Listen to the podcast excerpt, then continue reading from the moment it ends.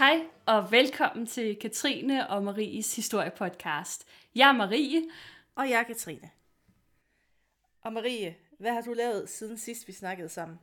Og siden sidst, jamen altså, jeg har jo i bund og grund øh, ikke lavet særlig meget. Jeg har, øh, jeg har faktisk slappet rigtig meget af. Øh, jo, jeg var en tur på, øh, på Vadehavscenteret, det nye Vadehavscenter, nede uh. ved Ribe. Øhm, og øh, hvis der er nogen, der er på de kanter, og nu det her, det er fuldstændig gratis tror, er reklame mennesker for Vadehavs. Jo, men altså, ja, men hvis man nu ikke er ved Ribe, og tilfældigvis kommer forbi Ribe, altså, så kan jeg virkelig varmt anbefale, at man besøger det der Vadehavscenter. Det er et forrygende sted. Sponsor kroner. Det bliver bare ved at name drop ting, indtil de siger, at der er værdi i det. ja. Lige nu det- det... drikker jeg vand fra Hedensted Vandværk. Spons. Sponsor. Ja, ja. Ej, det har jeg, det har jeg lavet. Hvad har du lavet, udover at kæmpe med fluer? Jamen altså, det er jo glæden ved at bo sådan halv ude på landet om sommeren, det er jo, at der er dyr over det hele. Ja. Men udover min evige kamp mod naturen, så har jeg været i bunkeren. Mm. Dem, der ikke ved det, så går jeg og hygger mig i en gammel kommandobunker over i Odense i ny og næ. Bare ligesom, det, det, er, det er ikke din egen det er ikke min egen endnu. endnu. Og, du har ikke en bunker ude i baghaven. Det vil ellers per, det vil ikke engang overraske mig. Det er et spørgsmål om, at jeg lige skal skrabe nogle penge sammen. Og en skov. Ja. Ja. ja og en skovl. Og så går jeg i gang. Og noget beton. Mm. Jamen, så det har jeg jo gået og hygget mig lidt med. Der er jo kommet Jamen, nye medaljer i det østtyske rum. Nej. Ja, Hold, hold da op. så det var en god dag. Jamen, det kan jeg godt forstå. Og, Det lyder spændende. og ellers så er jeg egentlig ikke... Ja, noget, der er så spændende.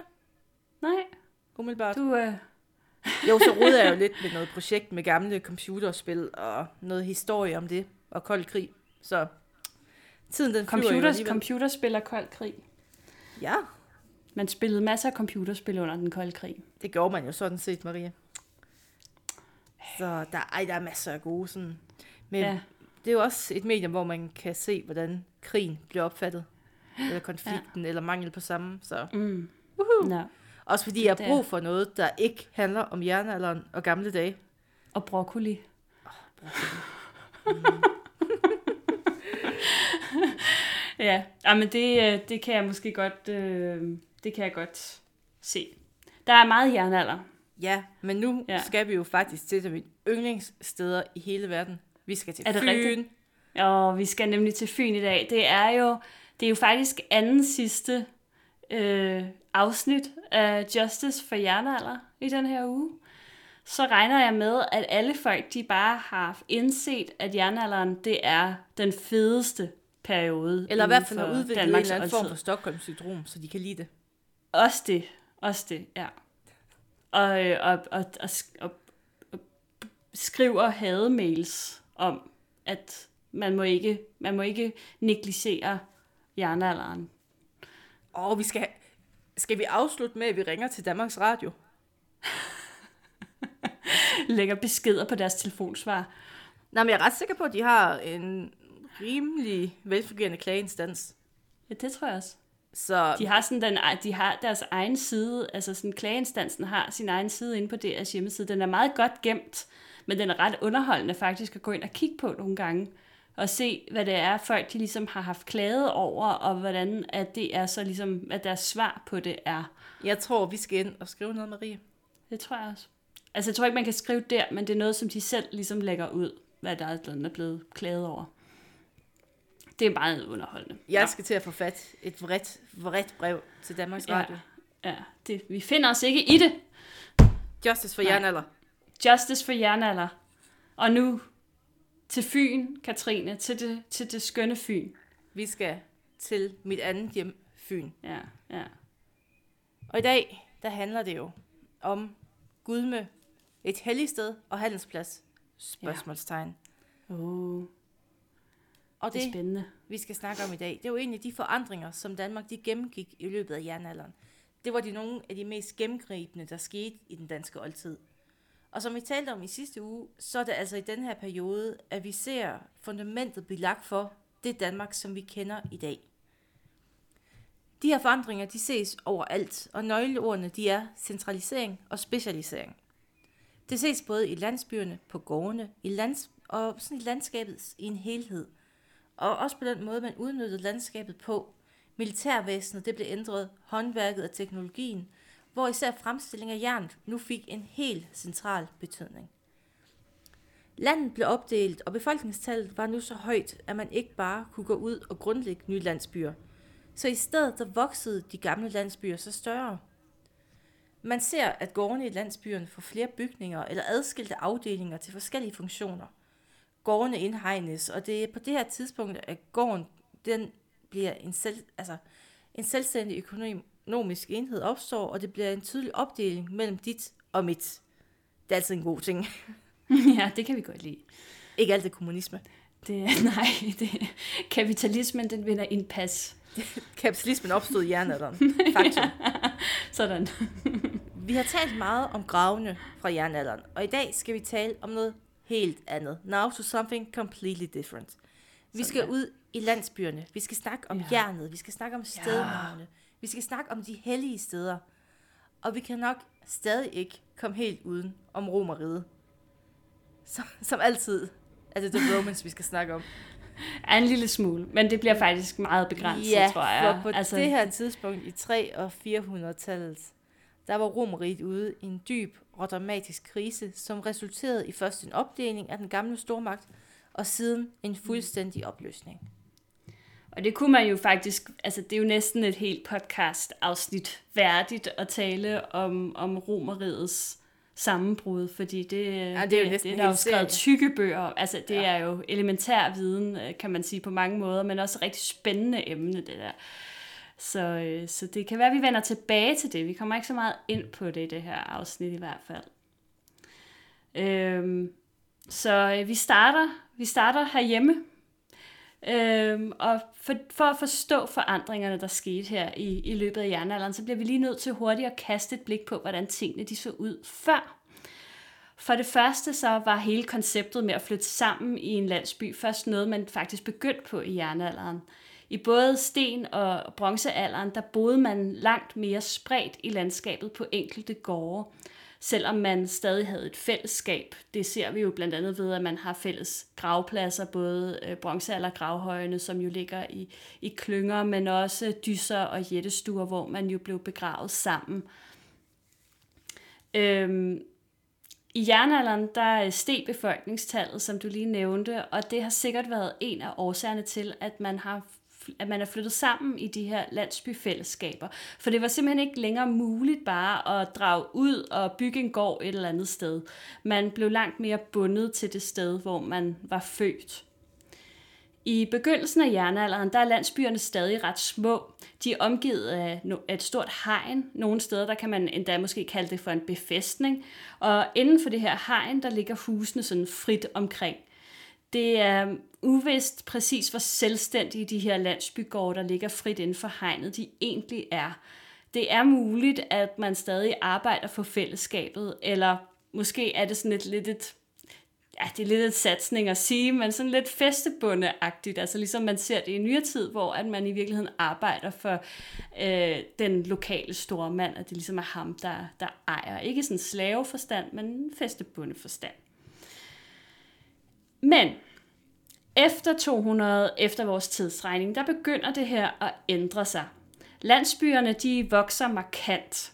De omgives ikke længere af et hegn, men består i stedet af store individuelle gårde, som så bliver indhegnet. Så det vil sige, at ja, landsbyen er ikke indhegnet, men gårdene er indhegnet. Det er i virkeligheden her hele det her tofte begreb opstår, som man kender fra måske især middelalderen, men også vikingetider, som jo også går igen i rigtig mange af vores stednavne rundt omkring, altså Toftevej, eller hvad ved jeg.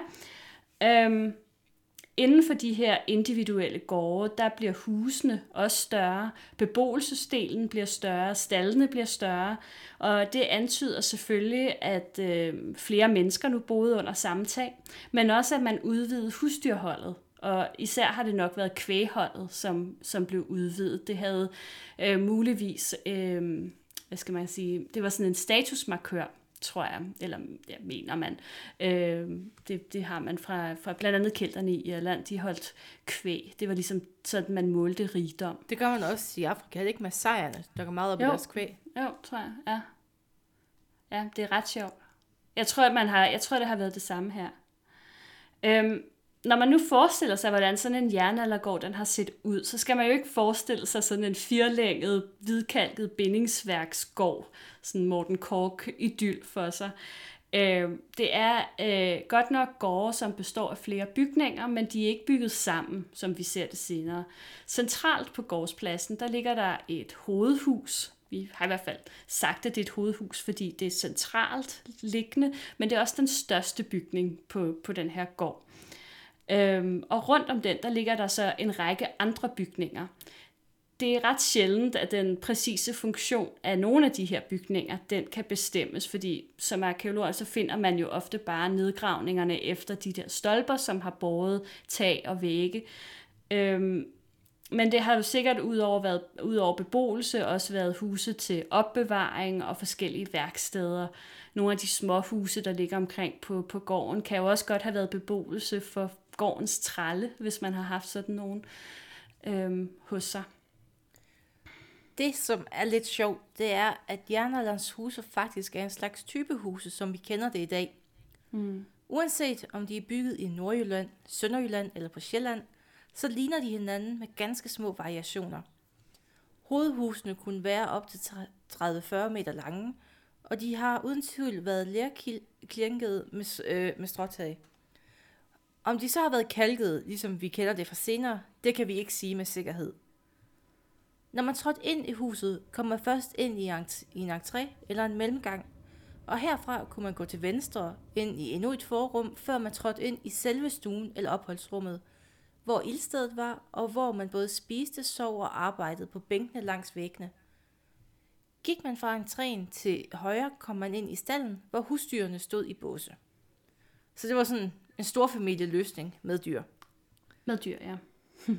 Det er en del af familien, Marie. Ja, men det kan godt være, at i nogle af de sådan rigere huse, i de rigere familier, at det faktisk var et statussymbol ikke at have dyrene inde i huset. Så kan det være, at man har haft en ekstra staldbygning. Det kan godt være, at det har haft noget status, at man har kunnet have et helt hus bare for sig selv og ikke for dyrene. Så en Ja. status, man kan kun drømme, Marie. Man kan kun drømme. Ja, jamen, jeg ved det. Ofte finder arkeologerne jo sporene efter nedgravninger til de her huse. Men en gang imellem finder man brandtomter, som giver mere detaljeret oplysning om husens opbygning. Men brandtomter er jo også en tragisk historie. For eksempel fandt man en ved Nørre Transes op i Aalborg, som giver et øjebliksbillede af en jernaldergård, sådan lidt som et dansk Pompeji, kan man sige. en meget lille målestok. Altså målstoksforhold mellem Romeriet og Nord- Nordjylland, det tror jeg passer meget godt. ja. Og særligt staldelen fortæller en tragisk historie, fordi der fandt man ikke mindre end 16 indebrændte dyr. Og det tæller fem får, fem foster eller nyfødte lam, to heste, syv køer, en pattegris og en hundevalp. Nå. Og gårdens beboere, de må have forsøgt at redde de her dyr, fordi at man har så også fundet knogler efter fem mennesker der. Ja. Det kan, jo- man kan jo forestille sig, at, at taget det simpelthen er Ja, faldet sammen, mens sammen. de har forsøgt at få dyrene ud. Ikke? De ligger sådan placeret rundt omkring i stallen, og de lå i sådan nogle positioner, som lidt ligner, at de ligesom er faldet der, hvor de... Sådan lidt Pompeji-agtigt i virkeligheden. Men dog kun med, med altså kun knoglerne tilbage. Ja, den det er jo nordjyske tragisk. Pompeji. Det er det nordjyske Pompeji. Så, så det er jo altid sådan, altså arkeologer kan jo godt være sådan en lille smule morbide, fordi at vi bliver på en eller anden måde enormt glade, når vi finder sådan noget der, fordi det er jo et væld af informationer, og lige præcis den her gård fra Nørre Tranders er, er, er simpelthen, der er, den har givet så meget viden om, øh, hvordan en jernaldergård var indrettet, men samtidig har man jo også det der med, at ej, det er faktisk også en rigtig tragisk historie, hvor at der er nogle mennesker, der bare har mistet alt ved den her lejlighed. Og vi ved jo ikke, altså jernalderen havde man jo ikke noget socialt sikkerhedsnet, så de har jo sikkert bare været, det var bare ærgerligt. Ærgerligt bærgerligt. Ærgerligt bærgerligt, som man sagde dengang. Yes. Øhm, ja, jern, Katrine. Øhm, vi har jo snakket rigtig meget om bronze, selvom at den her periode, den jo faktisk hedder jernalderen. Øh, men jernet, den spillede, spillede altså en meget væsentlig rolle gennem hele den her periode, og produktionen af jern, eller fremstillingen af jern, havde stor betydning for udviklingen af jernalderens samfund. Når vi stadig taler om bronze øh, i forhold til markering af status, så skyldes det nok i høj grad, at det var en importvare. Bronze det er jo en, en legering af tin og kover, og hverken tin eller kover findes som råstoffer i Danmark, så man har skulle importere alt det her bronze. Øhm, og derfor bliver det jo næsten af sig selv eksklusivt. Øh, jernet derimod, det kunne vi fremstille herhjemme, og, øh, og derfor var det jo i langt højere grad allemandseje, og derfor øh, langt mindre eksklusivt. I Danmark, der har vi jo ikke bjerge med myremalm, men vi har noget andet. Nej, undskyld. Nej, nu... Spoiler! okay. I Danmark, der har vi jo ikke bjerge med jernmalm, men vi har noget andet, nemlig myremalm. Og øh, det finder man i moserne. Det er faktisk en ret omstændelig proces at udvinde jern fra myremalm, og hvordan i alverden man har fundet ud af, at man kunne bruge myremalm til at udvinde jern, det er, finder vi nok aldrig ud af. Det virker det er bare utroligt. Øh, og, men man gjorde altså man gjorde det i stor stil. Jamen, det er det da. Jamen, jamen, det er det da. Det er da, hvordan man har fundet ud af, at man skulle grave det der. Altså, nu fortæller jeg om processen lige om lidt, og så kan man jo spekulere på, hvordan i alverden man har fundet ud af det. Jamen, altså, sådan øh, har jeg det også med dem, der fandt ud af, at man kan lave ost. Forestil ja. dig de arbejdsgange, man skulle igennem. Jamen, det er ikke engang løgn. Det holder mig og, vågen og, og, og hvor meget, hvor meget, hvor meget dårlig eller syrnet mælk man har forsøgt at... Ej, hvordan I starten har, altså, har man kigget på en ko yver og sagt, I want a piece of that. det, det er det første, den første hørte, man skulle over. Ja. Og så tænkte, derfra, det der, det ser ud syrende som... det, og... Jamen, ja, og hvordan... Ja, hvem har fået ideen, og hvordan har man bragt det ud i livet? Det er virkelig utroligt at tænke på, de der ting, som vi i virkeligheden bare i dag tager for givet, at jamen selvfølgelig kan man det. Men der har jo altså været nogen, der har fundet ud af, at man kunne gøre det på et eller andet tidspunkt. Jeg prøver at tænke, der har jo været en tosse, der har været ude smage på de ting, folk var i tvivl om os. Ja. Hvem havde de mest? Det var en naturlig Præcis. selektion i gamle dage. Let's go. Vi skal lige finde ud af, hvad for nogle planter, der er dødbringende ude omkring huset. Hvad kan vi spise her? Nå, ikke den der. Okay. Den, den dør man hurtigt af, kan jeg fortælle jer. Ja, jamen, sådan, sådan skal man jo se det. Han døde ja. det, så. Ja. ja. ja. Så var, der en, så var der en mund mindre med det.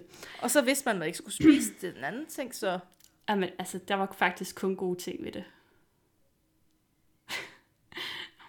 Nå. Tilbage til hjernen. Tilbage til hjernet. Fordi at udvinde jern, det var, er, kan man jo sige, en omfattende og arbejdskrævende proces, når man gør det på jernaldermåden i hvert fald. Øhm, for det første, så skulle man jo grave den her myremalm op fra mosen. Og så skal den øh, opvarmes, så urenheder og vand det bliver fjernet. Så skal den knuses, og derefter så transporterer man så det, det her knuste myremalm øh, til jernudvindingsovnene, øh, som øh, var beliggende øh, nær landsbyen, og ikke i landsbyen, fordi der er noget med, med sådan noget åben ild og stråtægte tage. Det havde man fundet ud af. Det var måske ikke vejen at gå. Øh, de her jernudvindingsovne, dem skulle man jo også øh, skaffe rigeligt med brændsel til, fordi øh, for at kunne opnå de rette temperaturer i ovnene, så skulle brændet omdannes til trækul. Til at fremstille 1 kilo jern, så skulle der bruges cirka 10 kilo trækul. Og den her produktion af trækul, den har altså også haft en meget voldsom indvirkning på skovene, på landskabet, men det hører en anden historie til. De første spor efter jernudvinding, øh, vi har fra Danmark, de kendes fra århundrederne før vores tidsregning. Men egentlig jernudvindingsovne, de kendes først fra tiden omkring begyndelsen af vores tidsregning. Og det er en af de vigtigste teknologiske landvindinger i Danmarks oldtid. Intet mindre. Huh. Det er her, hvor der skulle sættes sådan en hu. Uhuhu. Ja, Dum, dum, dum. Mm. Prøv at tænke på alle de Øhm. penge, vi sparer ved at lave halvdelen og vores lydeffekter med munden. ja, det kan være, du kunne begynde at tjene penge på det. Ja, Ja. altså, det er en evne, jeg kan tage direkte til banken. Ja. Jeg kan lave lydeffekter med munden. Jeg kan noget med munden. I gætter aldrig hvad. Det vil jeg bare skrive en ansøgning, så skal de have mig ind til en samtale. Ja. det synes jeg bare, du skal. At se, om du kan gøre hjernen interessant efter den. Så. Ja, det er lidt svært. Øhm, øh, selvom det var en langsomt opstart med det her jern, så, så vandt øh, materialet hurtigt impas. Og øh, i løbet af romersk jernalder, der fandt man jo blandt andet ud af, at man kunne lave ganske effektive våben med jern. Og det har nok været en af årsagerne til, at adgangen til gode myremalmressourcer, den blev så vigtig. Det er faktisk endda blevet foreslået, at en del af de militære konflikter, som vi ser i romersk jernalder, vi snakkede lidt om i sidste uge og i afsnittet om Illerup Ådal, øhm, at de her militære konflikter, de omhandlede kontrollen over adgangen til øh, myremalmressourcerne og til jernproduktionen. Det Det- synes jeg er en interessant teori. Det er jo faktisk ligesom i Minecraft. Det gælder om at finde jernet, så man kan få en ordentlig hakke. Ja, præcis. Men det er jo faktisk interessant, fordi øh, så vidt jeg ved, så ligger nogle af de bedste myremalmressourcer, de ligger faktisk over i Jylland. Over i Jylland, det er der, hvor du er. Det er det der lille område i. der, der er langt herfra, hvor jeg er til Jylland. Du var i Øhm, Ribe i weekenden. Ja, det var dejligt. Ribe er en skøn by. Præcis, så øhm, langt er der heller ikke. Nej. Øhm, de her myremalmressourcer, de ligger derovre i det store Jylland. Øh, og det er jo faktisk sjovt, når vi tænker på, at det er jo faktisk også derovre, at vi har langt de fleste våbenoffre og militære anlæg og sådan nogle ting. Altså, der kunne måske godt være noget om snak. Jamen, Jylland er Danmarks salt, og det har det altid været. Ja, og sjællanderne, de var forsøgt at, at overtage herredømmet. Du har ingen Helt. idé om, hvor mok fuglene går udenfor lige nu. Jeg ved ikke, hvad der sker. Jeg ved ikke, om du kan høre dem. Jeg synes, jeg, kunne jeg høre en svale eller sådan noget? Ja, ja altså, der er jo fyldt med dyr. Ja. Så ja, om lidt begynder gæstene nok også. Det var fordi, jeg begyndte at snakke om jern og sådan noget. Så, Så, de hvis helt folk opstemte. derude kan høre sådan et let soundtrack af behagelige fugle, Mm. så er det ikke jer, der er skøre. De er bare omkring mig. Ja, vi har sådan, det er sådan en sendstemning, vi skaber i dag. Og apropos, vi skal jo Ja. rundt i landskabet nu, Marie. Åh, det skal vi. Det bliver så hyggeligt. For fremstilling af jern var bare et af mange specialiserede håndværk, der kom til eller blev forfinet i løbet af jernalderen. Redskaberne de blev generelt mere effektive. Man fik for eksempel også nye væveteknikker. Og det resulterede i, at stoffet det blev meget finere, fordi man udnyttede ulden bedre. Og derudover så kom der også hør lavet til. Dejligt stof. Mm. En Hvilket lille hørbuks kunne man få så. Jamen prøv at tænke, altså allerede den, på det tidspunkt kunne man jo faktisk lave en bibliotekar med hørtøj og rav. Og ravkæde, ja. Mm. Gud, ja. Ja. Smukt. Mm. Og det gav jo igen nye muligheder, ikke bare for tekstilproduktion, men også for klædedragtens design. Så man kunne faktisk også begynde at tænke på form i det, man Mm. havde på. Ja. Og den omfattende specialisering og forbedring af håndværk har uden tvivl medført, at de særligt dygtige håndværkere begyndte at skille sig ud. Og det er sikkert resulteret i, at der var omrejsende håndværkere, der tilbød deres færdigheder eller forsøgte at afsætte deres varer. Og folk blev generelt langt mere mobile. Verden var blevet større, og det var ikke, us- altså det var ikke usædvanligt at foretage større rejser, både som privatperson, handelsmand eller militærmand.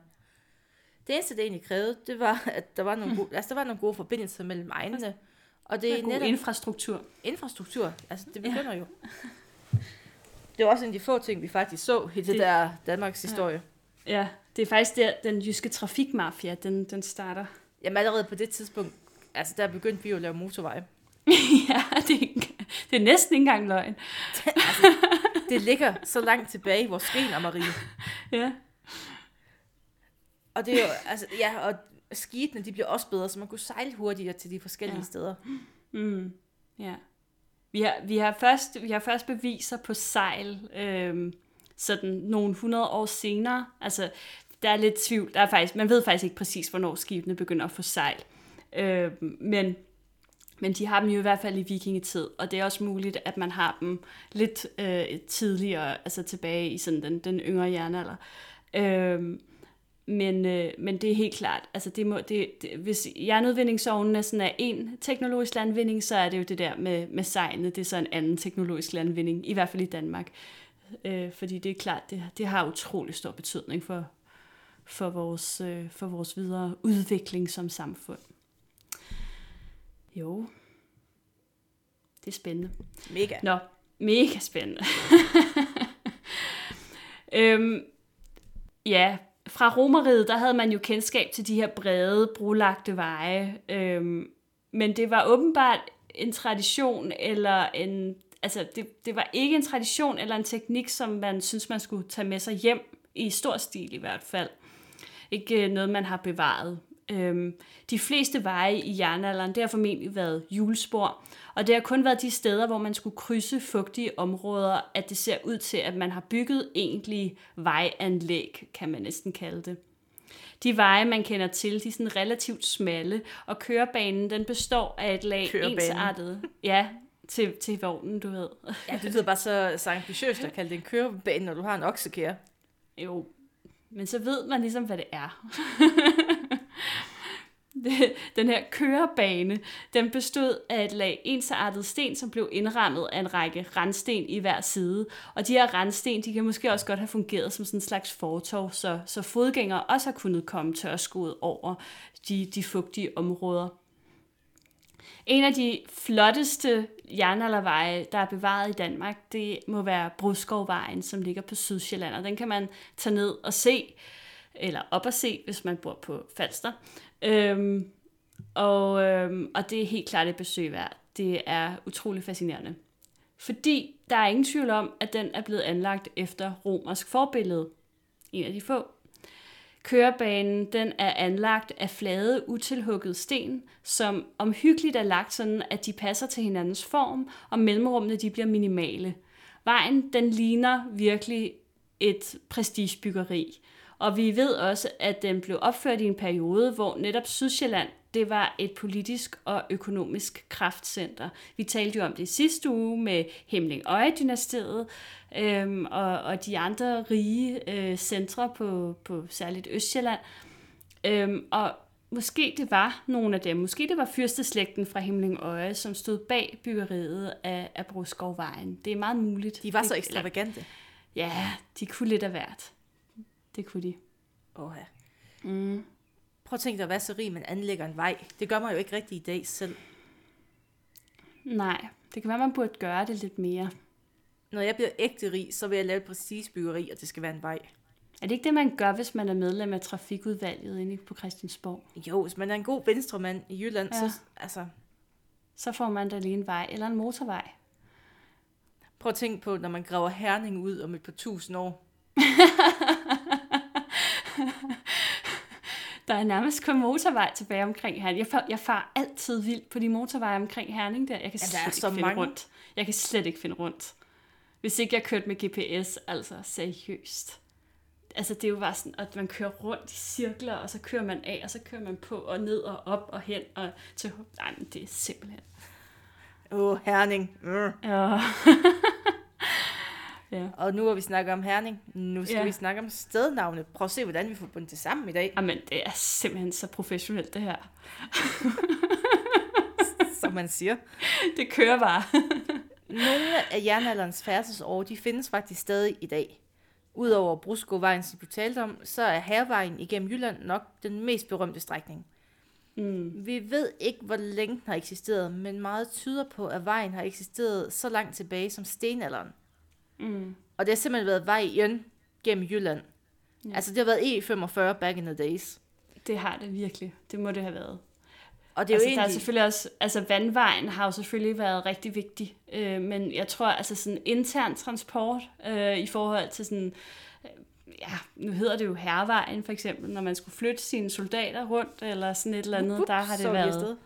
Og det er Ja. jo en, det er også først i nyere tid, at den ikke har haft en vigtig status Ja. som transportår. Så Mm, mm, ja, og, og man kan jo sige, at i dag har den jo så en anden vigtig status som sådan en cykelturisme tingest. ja, og vi skal da cykle hervejen, Maria. Jeg kunne virkelig godt tænke mig det. Eh, Måske ikke, eller vandre hervejen. Vi laver Altså, en indsamling, og så vandrer vi hervejen og laver podcasts hele vejen. Åh, det kunne være så fedt. Der er rigtig mange sjove ting at se undervejs. Åh oh, ja. Ja, og så pitcher vi den til DK4. Katrine og Marie på hervejen. Sådan. Det behøver Make ikke it ha- mere fancy. Make it happen. Åh oh, ja. Så skal vi have den alternativ sådan noget New Age intromusik. Ja, for søren. Og så Ej, også to, det der bliver- står og spejder ud over det jyske landskab. Ej, hvor bliver det godt. Sådan lidt, sådan lidt øh, jeg tænker- ligesom i jeg- arkeologien rundt, eller Nej, sådan men jeg noget. tænker lidt introen til Kirsten Hyttemeyers show. Der hvor hun bare og glor ud i landskabet. Og spejder lige så entusiastisk. ja, ah, ja. Helt sikkert. Jeg ser faktisk mig selv som historiens Kirsten Hyttemeyer. Jamen, det kan jeg godt forstå. Jeg har også ofte tænkt det, at, øh, at du minder om hende. Mm. Jeg har skånet mig på lige nu. Ja. Det skal man have som historiker, så man ikke får snavsede ærmer Ja, sådan ligesom af jeg. alt det snavs, man graver op. I er altid så beskidte i arkeologer. Det er vi. Mm. Mm. Udover veje, så begyndte man også at bruge stednavn til at orientere sig i landskabet. Det har man jo egentlig formentlig gjort siden ti- tidernes mø- morgen, men mm. der er kun stednavn for jernalderen, som er bevaret frem til i dag. Og man kan inddele det i et par grupper. Den yngste gruppe af stednavn, det stammer fra den sidste del af vikingetiden, og sådan den tidlige middelalder. Og det er stednavne, mm. som ender på rud, rød, tved, skov og lykke. Mm. Så har vi den lidt ældre gruppe af bevarede stednavne, som stammer fra den ældste del af vikingetiden. Og det er typisk stednavne, som ender på by, tofte, torp eller rup og bølle. Mm, Apropos altså- altså, døllefjelle. Bølle. Ej, det er så dølle, ja. Nå, ja, det lyder sådan. Men der er faktisk en, der er en by nede på Lolland, der hedder Øllebølle. Selvfølgelig er der det. Ja, ja. Og det skal lige siges, at, at rup sådan, det er sådan en, en lidt mere moderne udgave af torp. Så hvis du bor i en by, der hedder rup, så har den formentlig hedder torp øh, oprindeligt. Mm. Så blev du så klog. Og de ældste danske stednavne kan dateres til 200- og 300-tallet efter vores tidsregning. Tommelfingerreglen er, at stednavne, som ender på heim, inge, lev, løse og sted, er, hedder sted, mhm, er de ældste og stammer fra jernalderen. Det er det. En, øh, en anden gruppe af stednavne, som også hører til i jernalderen, det er de såkaldte hellignavne, der henviser til religiøse steder. Det kan for eksempel være stednavne som Tisø, som er ja, Tyrs Sø, øh, Odense, som er øh, Odins Sø, og Torslev, som jo henviser til guden Thor. Øh, og generelt så henviser de jo så til de nordiske guder og må antyde, at stedet har haft en eller anden religiøs betydning. Det samme gælder stednavnet Gudme på Fyn, som betyder gudernes hjem.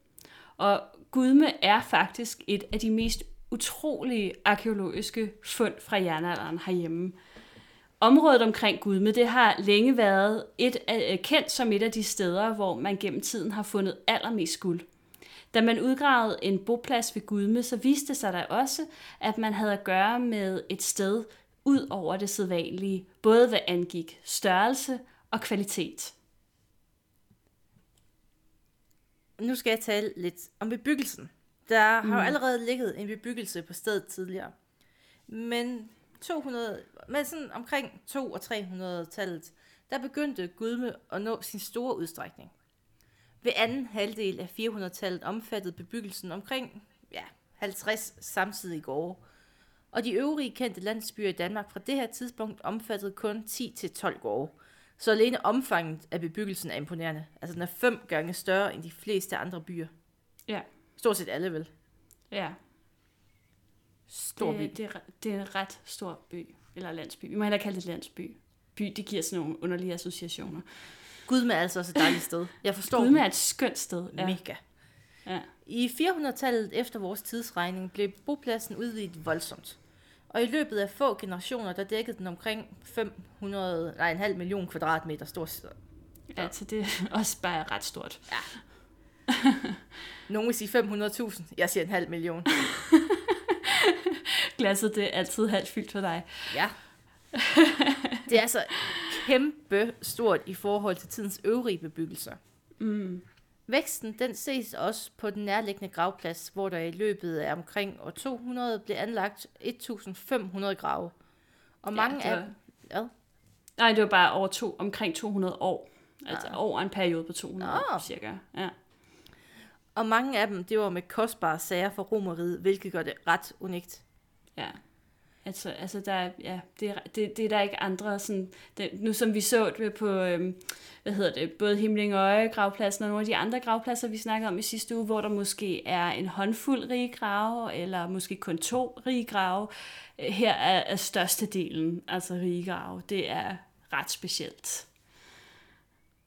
Men det er ikke kun udstrækningen af bopladsen, der var usædvanlig. Flere af husene var det også. Altså midt i bebyggelsen lå to huse parallelt med hinanden. I 400-tallet havde de allerede ligget der i et par hundrede år, og de fortsatte med at ligge der ind i begyndelsen af 500-tallet. Den ene af bygningerne var en kolossal stor halvbygning. Altså den var intet mindre end 47 meter i længden og 10 mm. meter i bredden. Og det er stadig ja. den største kendte bygning fra Danmarks oldtid. Og, ja, og dimensionerne der kan den sammenlignes med en af palæerne på Amalienborg. Altså, ja, det er, det er helt, det er helt crazy. Altså, det er virkelig, Det var en ordentlig, det var en ordentlig hal. Det er jo, ja, Det, det lød jeg tror, nej, jeg tror nok, meget at, stor. der- at der er, er det omkring 500 kvadratmeter under tag, eller sådan noget. Det er... Marie, nu må du godt... Øh, 47 gange 10, hvad er det? Så nu må du ikke spørge mig om. Jeg er talblind. Jeg kan ikke regne. Det er 770 kvadratmeter. Godt så. Yes, jeg var matematiker, så Ja. Men det er godt, vi har hver vores kompetencer. nemlig. Så en gang, når du skal... Det er altid dejligt sådan at afsløre på, på podcast, at man er virkelig dårlig til at regne. I det mindste er du pæn, Marie. Hallens tag, den var båret af otte sæt kraftige stolper, der stod parallelt med hinanden og dannede en søjlehal. Sådan. Ja.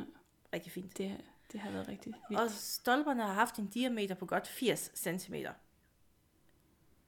Og der var to brede døråbninger, som nærmest må betegnes som porte, der førte ind i søjlehallen.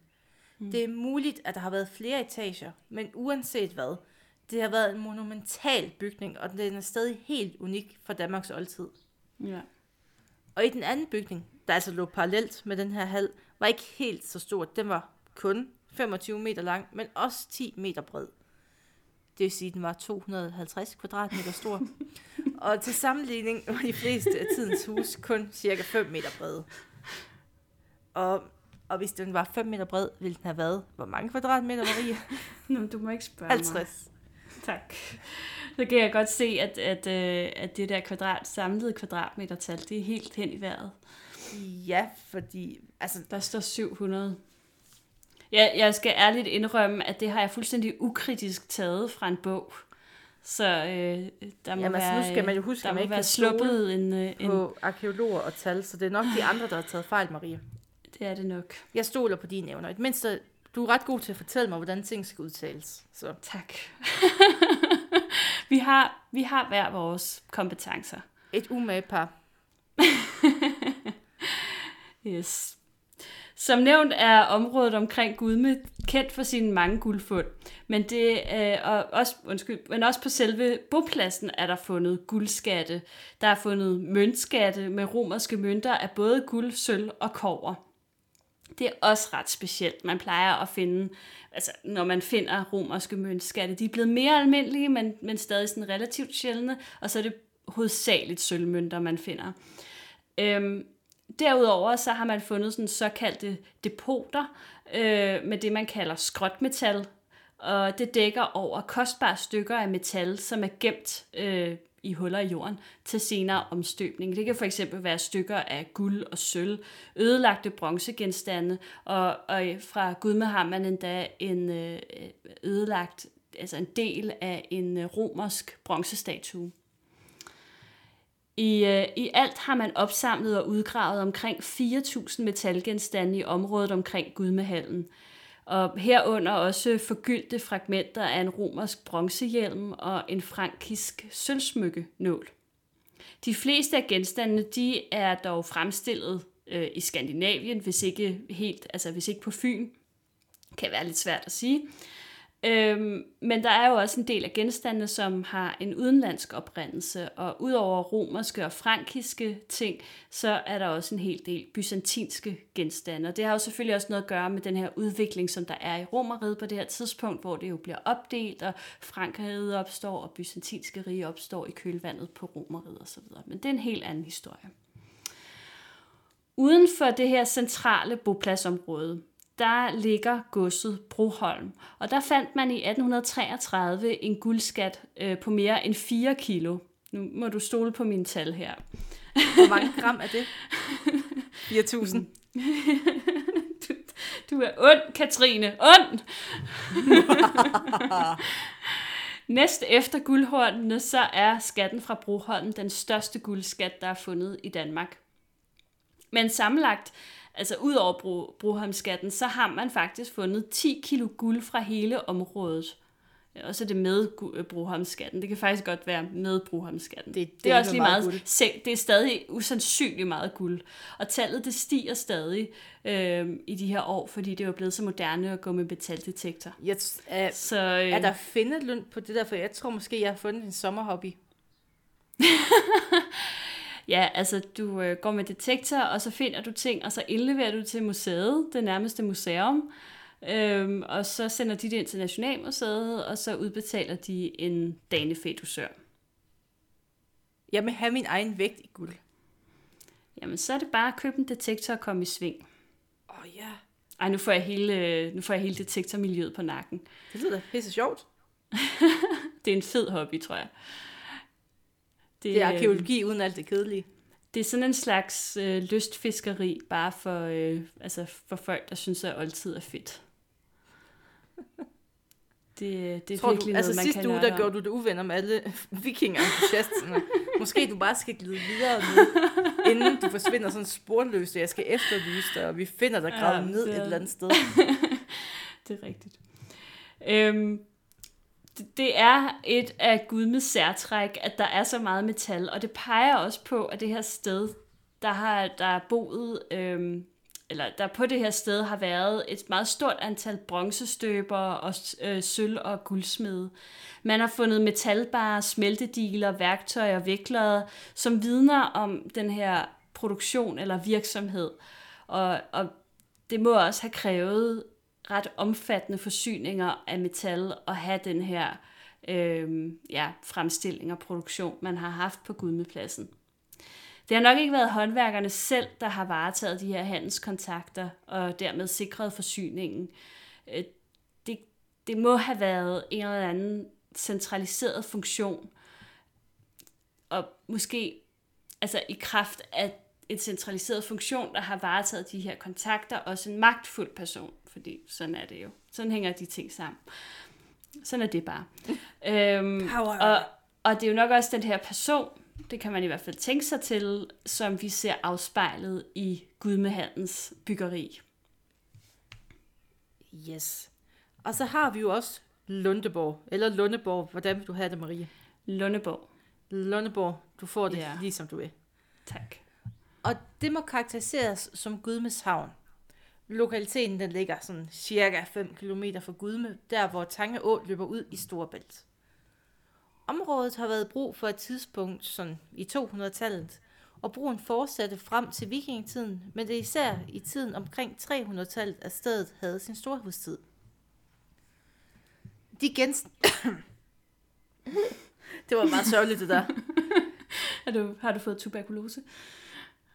Åh oh, gud. Det er sådan, det starter. ja. Det er pest. De genstande, der er fundet på Lundeborgpladsen, stammer alle fra håndværksaktiviteter og handel. De mest almindelige handelsvarer, i hvert fald dem, som arkeologerne kan finde spor efter, var romerske glasperler, glasskåle Og så den specielle keramik, der går under navnet. Kom så Marie, nu er det din tur til at brillere. Terra sigillata. Terra sigillata. Det var dygtigt. Mm. Mm, tak. Og det er en orange-rød, sådan formpresset type kar, som vi kender i hobetal for romeriet. Du kan fodre svin med dem. Altså, ja, der er det sådan en, der er det sådan svarer sådan lidt til Tupperware. Altså, alle har dem i romeriet. Romers Tupperware, yes. Mm. Men i kun ganske få tilfælde er det fundet i Danmark.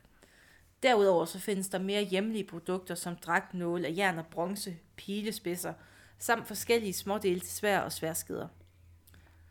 På Lundeborg arbejdede snedgård og smede, bronzestøbere samt guld- og sølvsmede. Derudover der var der specialhåndværkere, som arbejdede med rav, tak og ben.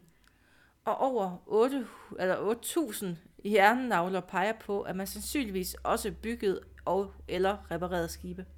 Mm. Og så handlede man naturligvis. Altså, man, altså når man har så mange ting, så kan man lige så godt handle med det. og utallige fund af vægtlod, romerske mønter og guldstykker er fundet, og det er også blevet fundet jernbarer, som formentlig blev importeret fra Polen eller Norge. I kan Ja. finde alt, men I kan ikke finde ud af, hvor jern kommer fra. Øhm, det kan man sikkert godt, Jeg peger man fingre af jer, Maria. undersøger det. Ja. Og ja. egentlig blev der ikke fundet sådan... Altså, egentlig huse blev der ikke fundet her, men det var kun sådan små hytter på omkring 20 kvadratmeter. Og det kan betyde, at håndværkerne ikke boede fast på pladsen. Hmm. Det kan også antyde, at pladsen måske havde været i brug på særlige tidspunkter af året. Altså, det kan være, at man kun mødtes om sommeren, fordi at Gudme er ikke super fed om vinteren, eller sådan noget. Mm. Det kan være, der har været nogle særlige festdage, hvor man mødtes. Ja. Mm. Mm. Mm-hmm. Og der er ikke nogen tvivl om, at havnen ved Lundeborg har været et centrum, hvor håndværkere og handelsfolk fra nær og fjern har mødtes. Ja, det er det. Men nu skal Gudme- du fortælle mig Ja. lidt om den der sammenhæng med Gudme. Kom så. Ja, fordi altså, selvom at de ligger 5 km fra hinanden, så er man ret sikker på, at Gudme og Lundeborg, de skal ses som en enhed. Og ikke bare de to, men også den her gravplads, som vi har nævnt ganske kort, der sådan i det hele består af ikke mindre end 2300 grave. Det er sådan en, en kombination, som, som man kender andre steder fra. Øhm, med, med, hvad hedder det, med handelsplads og boplads og, og gravplads. Øhm, hvem boede på Gudme? Altså det kan vi jo naturligvis kun gisne om, men der kan ikke være nogen tvivl om, at det må have været en meget rig og magtfuld person. Det har været en person, som har varetaget kontrollen og beskyttelsen af handels- og håndværksaktiviteter, til gengæld for måske at kunne inddrive skatter og sikre sig våbenføre mænd til krig. Og det er jo altså fristende, måske endda nærliggende at forestille sig, at der er tale om en, sådan en, en tidlig konge. Ja, Harald Blåtand, go home. Kong Gudme. Kong Gudme. Parallellen til vikingetidens byer, som for eksempel Hedeby i Slesvig og Birka nord for Stockholm, den er også ret tydelig, og det er indlysende, indlysende, uh. at de her byer, de jo ikke opstod ud af det blå, men bygget på et fundament, som man jo allerede havde kendt, måske endda i flere hundrede år. Det kunne for eksempel have været Gudme Lundeborg. Jeg siger det som et, for ligesom, fordi det kalder man det. Jamen, Det, det, det er ligesom Gudme Lundeborg. Jamen, Gud Det med form Lundeborg, det kage. kalder man det. Gud med Lundeborg Vil du have et komplekset. stykke uh, Gudme Lundeborg? Vil du begynde? Ja, den tager de bare derovre. Der er dog også et andet aspekt ved Gudme, som, vi, øh, som lige blev øh, nævnt indledningsvis, øh, og det er selve stednavnet, altså Gudme, der jo betyder gudernes hjem. Inden for en afstand af halvanden til 2,5 km fra Gudme, der finder man nogle andre ret markante stednavne, som stednavneforskere de kalder for hellignavne. Det er for eksempel Gudbjerg, giver lidt sig selv, men gudernes bjerg. Så er der Albjerg, der skulle betyde højen med helligdommene, og Galbjerg, som skulle betyde højen for ofre. Og der er en lang etymologisk forklaring på de her ord, så nu- jeg giver ikke mellemregningen. Den må man selv slå op. Den rigdom, som vi ser på Gudmepladsen, og selve gudmen, Gud med navnet, plus de hellignavne, der er omkring pladsen, de kunne godt pege i retning af, at området måske har haft en, en særlig religiøs karakter. At det også har været grunden til, at man har kunnet samle så mange mennesker der. Øhm, det kan måske have været sådan et slags pilgrimssted, altså sådan et, et eller mekka, kan man sige, hvor folk de valgfarter til måske en gang om året eller to gange om året, og i den forbindelse selvfølgelig har deltaget i nogle ritualer og nogle offringer, men også lige har kunnet handle lidt med hinanden og møde hinanden fra nær og fjern og få udvekslet nyheder osv. Det er slet ikke utænkeligt. Det er faktisk måske meget sandsynligt, at det er det, som også er foregået på det her sted. Ja, fordi der er måske noget, der peger i den retning. Og det er de såkaldte guldbrakteater. Mm. Og det, det er sådan nogle små, runde guldmedaljoner, der er, sådan, de er rigtig flotte udsmykket ja. med mytologiske billeder. Det kan fx være Odin på rejse, eller Balders død, eller Tyr, der mister sin hånd til Fenrisulven. Der er sådan øvrig, ja, for en lille sidebemærkning. Den nordiske mytologi den opstod ikke i vikingetiden, men flere århundreder før. Men det kommer vi til at tale lidt mere om i næste uge, så mm. stay tuned. Mm. Yeah. Ja. Ja. Og selvom de her guldbrakteater blev fremstillet over hele Skandinavien, så synes Gudme at være et af de mest centrale steder, hvor der er fundet flest. Og det er derfor også ret interessant at tænke sig, at brakteaterne kunne have været en form for pilgrimstegn. Altså du havde det på, når du kom der til, eller du lagde den, når du var der. Så. Mm, eller du fik den som sådan en slags souvenir, at du havde været der. Jeg tror ikke, man får noget guld i den her verden. Tror du Nu havde de så meget af det. De væltede Nå, ja, sig altså, guld. De bad, ja, sådan Joachim ja. von den der store ja. hal, det var faktisk bare en pengetang. ja. Hvorfor er det, det jeg ikke skriver for skalk? Jamen, jeg ved det ikke. Det kan være, at du skulle have søgt den der chefredaktørstilling, de lige har. Gud en pengetank, spørgsmålstegn. ja. Inden vi øh, runder af for i dag, så skal det lige nævnes, at øh, Gud med Lundeborg, altså kombinationen af den her, det her stormandssæde, eller Kongsborg, hvis man skal være lidt fræk, øh, helligsted og handelsplads, kendes fra andre steder i Skandinavien. Det er altså ikke et, sådan et helt særligt øh, ting, der opstår der på Fyn. Det er en helt ny type af bosættelser, som begynder at dukke op i den romerske jernalder, og som fortsætter i flere århundreder frem. Og det er jo indlysende, at de her enorme bosættelser med alle deres funktioner af både religiøs og økonomisk og politisk karakter, er forløberen for den egentlige bydannelse, som vi jo ved, så begynder at finde sted ja, måske ja, nogle århundreder senere, øh, i hvert fald fra, fra det her, men måske kun et par hundrede år senere, hvis vi, hvis vi tager 500-tallet. Så det var, øh, det var en lidt anden historie om jernalderen, men ikke mindre imponerende, synes jeg. Er Gudme ikke et fedt sted? Jo, altså jeg elsker jo Gudme, og det var også, ja. altså, jeg vidste faktisk ikke, at der var så meget guld i Gudme. Jamen, det er faktisk helt ekstremt, hvor meget guld der er i Gudme. En sætning, jeg aldrig troede, jeg skulle høre. Nej, det er også deres lokale håndboldhold. Det kunne være et godt, godt slogan til dem. Jamen altså, de hedder, altså, hedder det ikke stadig GOG? Jo, det gør ja, de. Så, så, så behøver man ikke en navneændring. GOG, det lyder så... Um, de vil have guldet til Gudme. Men det har jo været i Gudme, har det ikke? Jo, men igen. Men de spiller, deres, deres hal, den hedder faktisk Gudmehallen. Jeg tror ikke nødvendigvis, at man har været bevidst om det, da man navngav, altså det ene og det andet, men, men det er ret pudsigt. Men man kan faktisk tage til Gudme, og så kan man det se... Øh, Ja, man kan se det her sted. Man kan se Gudmehallen, altså den, den gamle Gudmehal. Øh, fordi den er, jeg vil ikke sige, at den er rekonstrueret, men, men man har ligesom markeret den i landskabet med træstube, så man kan se, hvor, hvor den har ligget, og der er sådan forskellige ting, man kan læse og sådan noget. Øh, så det er rigtig, rigtig fint. Og, øh, og Gudme er jo et dejligt sted. Og nu synes jeg, at vi helt afsluttende skal rose Marie, som har holdt manuskriptet på otte sider i dag. ja, otte sider, otte sider og seks linjer på en side 9. Ja, sidste gang jeg skulle skrive manuskript, der var det seks sider, fordi jeg flyttede på magten, fordi jeg ikke ville stå tilbage for Marie. Jeg fordoblede magten, Marie. Og men der er så, jeg ved godt, det er, det er lidt ordrigt det her. Og, og hvis man synes, at det er virkelig træls, så er der bare lige en jernalder-episode til, og så vender vi tilbage til vores sædvanlige historiepodcast. Short and punchy. Husk, og hvis du kan lide det, vi laver, så like os på Facebook, like, ja. følg os på Twitter, skriv os en mail. Abonner på iTunes. Og gudskyld, på Podbean, eller hvor du nu ja. får din, altså, hvor du får ja. din podcast fra. Ja, det er rigtig godt. Så på, hvad er det, vi skal snakke om næste gang? Jamen, altså, vi skal snakke om uh, guldhornene blandt andet. De higer og søger i gamle Præcis. bøger. Ja, Jeg vil fremføre gang. hele digtet. det, det er faktisk det, der kommer til at ske næste uge.